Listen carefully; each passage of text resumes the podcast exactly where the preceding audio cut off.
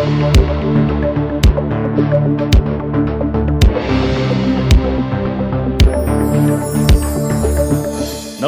Radio क्यान्डिडको प्रस्तुति विश्वभर आजमा स्वागत छ म धीरज बस्नेत। विश्वभर आज radio Candid ninety two point seven megahertz radio क्यान्डिडको आधिकारिक फेसबुक पेज र पोडकास्टमा समेत सुन्न सक्नुहुन्छ। विश्वभर आजमा हामी विश्वभर घटेका ताजा र विशेष घटना समेटिएका समाचार सामग्री प्रस्तुत गर्दै आएका छौँ। विश्वभर आज हरेक दिन बेलुका आठ बजेको क्यान्डिड फटाफटपछि प्रसारण हुँदै आएको छ। विश्वभर आज भएका प्रमुख घटनाहरू जुन तपाईँले जान्न खोजिरहनु भएको छ वा जान्नै पर्ने केही विशेष छ। युक्रेनमा आफ्नो सैन्य अभियानलाई औपचारिक रूपमा नेटोमा सामेल हुने आकांक्षा त्यागे पनि हमला नरोक्ने रुसी राष्ट्रपति भ्लादिमिर पुटिनका एक शीर्ष सहयोगीले बताएका छन्। रुसको सुरक्षा परिषदका उपाध्यक्ष समेत रहेका पूर्व राष्ट्रपति बेमित्री मेदभेदेवले फ्रान्सेली टेलिभिजनसँगको एक अन्तर्वार्तामा निश्चित शर्तमा युक्रेनी राष्ट्रपति जेलेन्स्कीसँग छलफल गर्न सकिने बताए। फेब्रुअरी हमला अघि नेटोको युक्रेनी सदस्यता आफूलाई मान्य नहुने मस्कोले जनाएको थियो। उत्तर एटलान्टिक गठबन्धनमा आफ्नो सहभागिता त्याग्नु आवश्यक छ तर शान्ति स्थापना गर्न यो पहिले नै अपर्याप्त छ मेदभेदेवीले भनेका थिए। रुसले आफ्नो लक्ष्य हासिल नभएसम्म अभियान जारी राख्ने बताए। पुटिनले आफू युक्रेनलाई डिनाजिफाइड गर्न चाहेको बताएका छन्। किब र पश्चिमाहरूले यसलाई युद्धको लागि आधारहीन बहाना भनेका छन्। युक्रेनमाथि रुसी हमला गर्नु अघि मस्कोले किबलाई नेटोको सदस्यता लिने प्रक्रिया रोक्न चेतावनी दिएको थियो। दक्षिण कोरियाले फेरि विश्वको सबैभन्दा कम प्रजनन दर रेकर्ड गरेको छ। सन् दुई हजार अठारमा देशमा यो दर पहिलो पटक प्रति महिला एक बच्चा भन्दा कम थियो। तर सरकारले बुधबार सार्वजनिक गरेको एक तथ्याङ्कमा जन्मदर अघिल्लो वर्ष शून्य दशमलव आठ चारबाट शून्य दशमलव आठ एकमा झरेको देखाएको छ। र यो लगातार छैठौँ पटक जन्मदरमा गिरावट हो। आर्थिक सहयोग र विकास संगठन ओइसिडीले विगत छ दशकहरूमा प्रजनन दर स्पष्ट रूपमा घटेको जनाएको छ। तर यो प्रवृत्ति विशेष गरी दक्षिण कोरियामा उल्लेख गरिएको छ जहाँ परिवारको आकार केही पुस्ताको अवधिमा घटेको छ। सन् दुई हजार उन्नाइसको सुरुमा महिलाका औसत चार बच्चाहरू थिए।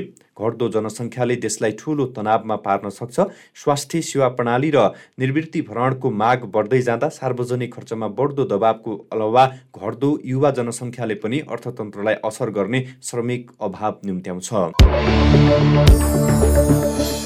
मानव जातिले जलवायु परिवर्तनको लक्ष्य हासिल गर्न सफल भए पनि सन् एक्काइससम्मको उष्ण कटिबन्धीय क्षेत्रका लाखौं मानिस आधा वर्षसम्म खतरनाक गर्मीको चपेटामा पर्न सक्ने अनुसन्धानकर्ताहरूले चेतावनी दिएका छन्। सम्भवतः विश्वले ती लक्ष्यहरू गुमाउनेछ र यस शताब्दीको अन्त्यसम्ममा उष्ण कटिबन्धीय क्षेत्रका मानिसहरूलाई प्रत्येक सामान्य वर्षको अधिकांश दिन हानिकारक र तापक्रमको अधीनमा राखिनेछ अध्ययन रिपोर्टमा भनिएको छ।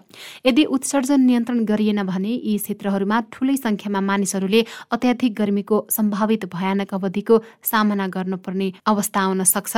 हार्वर्ड युनिभर्सिटीका प्रमुख लेखक लुकास भार्गास जेपेटेलुले भनेका छन् यदि हामी एकसाथ काम गर्न सकेनौँ भने अरबौं मानिस वास्तवमै यी अत्यन्तै खतरनाक तापक्रमको चपेटामा पर्नेछन् जुन हामीले आधारभूत रूपमा देखेका छैनौं। जलवायु परिवर्तनका कारण अत्याधिक गर्मी हुने गरेको र यसले मानव स्वास्थ्य वन्यजन्तु र बाली नालीको उत्पादनलाई खतरामा पारिरहेको छ।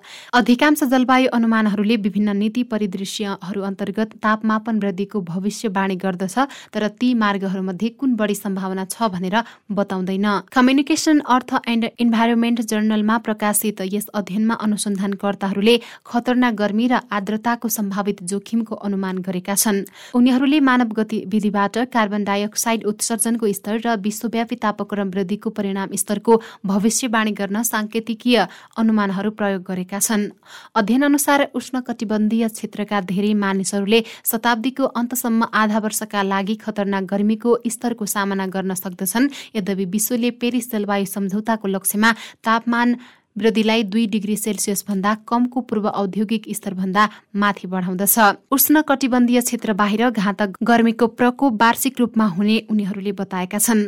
अनुसन्धानकर्ताहरूले उनाचालिस दशमलव चार डिग्री सेल्सियस तापक्रमलाई खतरा भनेका छन् भने एकाउन्न डिग्री सेल्सियस भन्दा माथिको तापक्रमलाई अत्यन्तै खतरनाक र मानिसको लागि पूर्ण रूपमा असुरक्षित मानिएको बताएका छन्। जेपेटोलुले भने यो चरम गर्मीलाई मूल रूपमा पानी जहाजको बोइलर कोठा जस्तै तातोमा कोठाभित्र काम गर्ने मानिसहरूको लागि विकसित गरिएको थियो। यो बाहिर कामको लागि बिरलै अवलोकन गरिएको थियो। अनुसन्धानकर्ताहरूले जबसम्म उत्सर्जनमा गम्भीर कटौती हुँदैन उपसहारा अफ्रिका र भारत विशेष गरी जोखिममा रहेको जनाएका छन्। शताब्दीको अन्त्यसम्ममा यो अवस्था आउने ठोकुवा गर्दै उष्ण कटिबन्धीय क्षेत्रका केही भागहरूमा मानिसहरूले प्रत्येक वर्ष गर्मीको यो स्तरको अनुभव गर्ने बताएका छन्।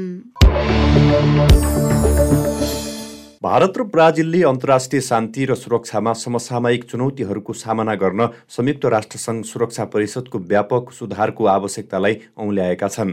भारतको विदेश मन्त्रालयले दिएको जानकारी अनुसार यस किसिमको विचार आठौं ब्राजिल भारत संयुक्त आयोग बैठक जेसिएम पछि जारी गरिएको हो। अगस्त चौबिसमा ब्राजिलको राजधानी ब्रासिलियामा भएको संयुक्त आयोगका सह अध्यक्ष भारतीय विदेश मन्त्री एस जयशङ्कर ब्राजिलका समकक्षी कार्लोस अल्ब्रोटो फ्रान्को फ्रान्कोले गरेका थिए। आज जारी गरिएको मन्त्रालयको विज्ञप्ति अनुसार सन् दुई हजार छमा स्थापित रणनीतिक साझेदारी थुप्रै क्षेत्रहरू समेट्न त्यसपछिका दिनहरूमा द्विपक्षीय सम्बन्ध थप प्रघाट बन्दै गएको छ।